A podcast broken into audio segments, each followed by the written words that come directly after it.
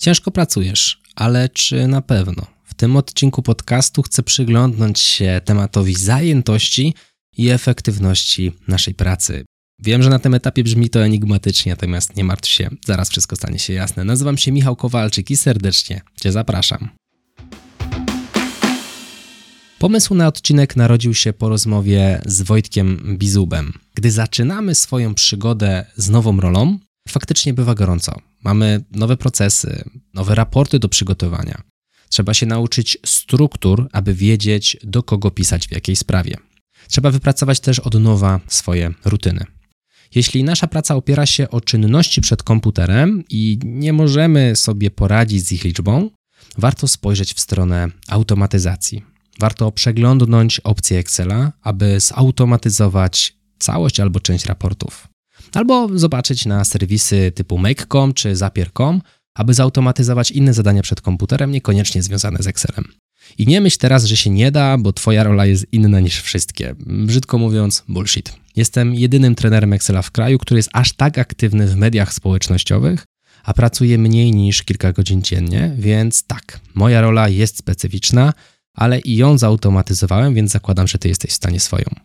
Załóżmy, że już jesteś na etapie zautomatyzowania i całkiem sporo aktywności już dzieje się samo. Zaczynasz mieć w pracy dużo czasu, okazuje się, że przy pewnym etapie automatyzacji działań nie potrzeba wcale aż tyle pracy. Przykład mojej roli w Motorola. Pracowałem może 20 godzin w miesiącu, mimo że prosiłem szefa o dodatkowe aktywności i zadania, nie dostawałem ich. Dziś w biznesie w zasadzie nie dotykam tematów takich jak media społecznościowe, wrzucanie grafik, wystawianie certyfikatów, wrzucanie postów o blogpostach.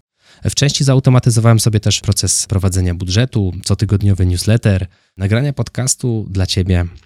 Robiąc taki rachunek, okazuje się, że wszystkie aktywności są wykonywane, a ja mam więcej czasu. No i tu się pojawia problem.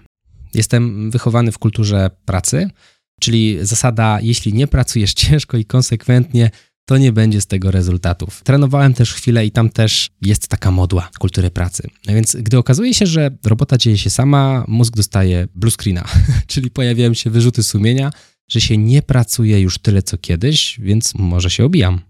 Co o mnie pomyśli rodzina, co o mnie pomyślą współpracownicy, jak sam będę o sobie myślał, gdy nie będę aż tyle pracował. Co zatem robimy? Bijemy pianę atmosfery zajętości, czyli rozpraszamy się mediami społecznościowymi, siedząc cały czas przed komputerem. Czatujemy na komunikatorach ze znajomymi czy kolegami z pracy czy zespołu. Umawiamy dziesiątki niepotrzebnych spotkań w kalendarzu, aby był pełny. Odświeżamy statusy dostaw prywatnych przesyłek w pracy, albo nawet robimy zakupy w sieci. Tak, tak, ja też je robiłem. W międzyczasie wykonujemy swoją pracę. Często okazuje się, że brakuje nam na nią czasu i musimy zostać po godzinach. Nasuwa się zatem pytanie: a gdyby tak wyłączyć powiadomienia, odłożyć telefon do innego pokoju, zrobić sobie 3-minutowy rachunek sumienia w drodze do pracy, wypisać trzy ważne rzeczy, które dzisiaj zrobię i skupić się w 100% na pracy do zrobienia, a potem wstać i wyjść. No, mówię oczywiście o tych, którzy mogą wstać i wyjść albo dopiero wtedy jasno sobie rozgraniczyć czas na rozrywkę w pracy po wykonaniu tych zaplanowanych aktywności. No i co z poczuciem bycia leniem w tej sytuacji?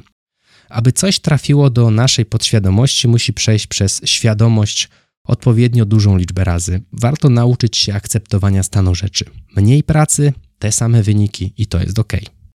Warto sprawdzać raz na jakiś czas, czy wyniki faktycznie są ok, żeby się nie okazało, że jednak czegoś nie dopatrzyliśmy. Procesy mają być wykonane i wtedy reszta czasu jest nasza. Jestem w procesie nauki akceptowania tego stanu, stąd pomyślałem, że podzielę się tym przemyśleniem z Tobą. Jeżeli chcesz zautomatyzować część albo większość Twoich zadań w Excelu, koniecznie odwiedź stronę naukaexcela.pl. A jeżeli podobał Ci się ten odcinek, wyślij go proszę jednej osobie. To był Excellent Work Podcast. Mówił dla Ciebie Michał Kowalczyk. Do zobaczenia i do usłyszenia w kolejnym odcinku. Trzymaj się, hej.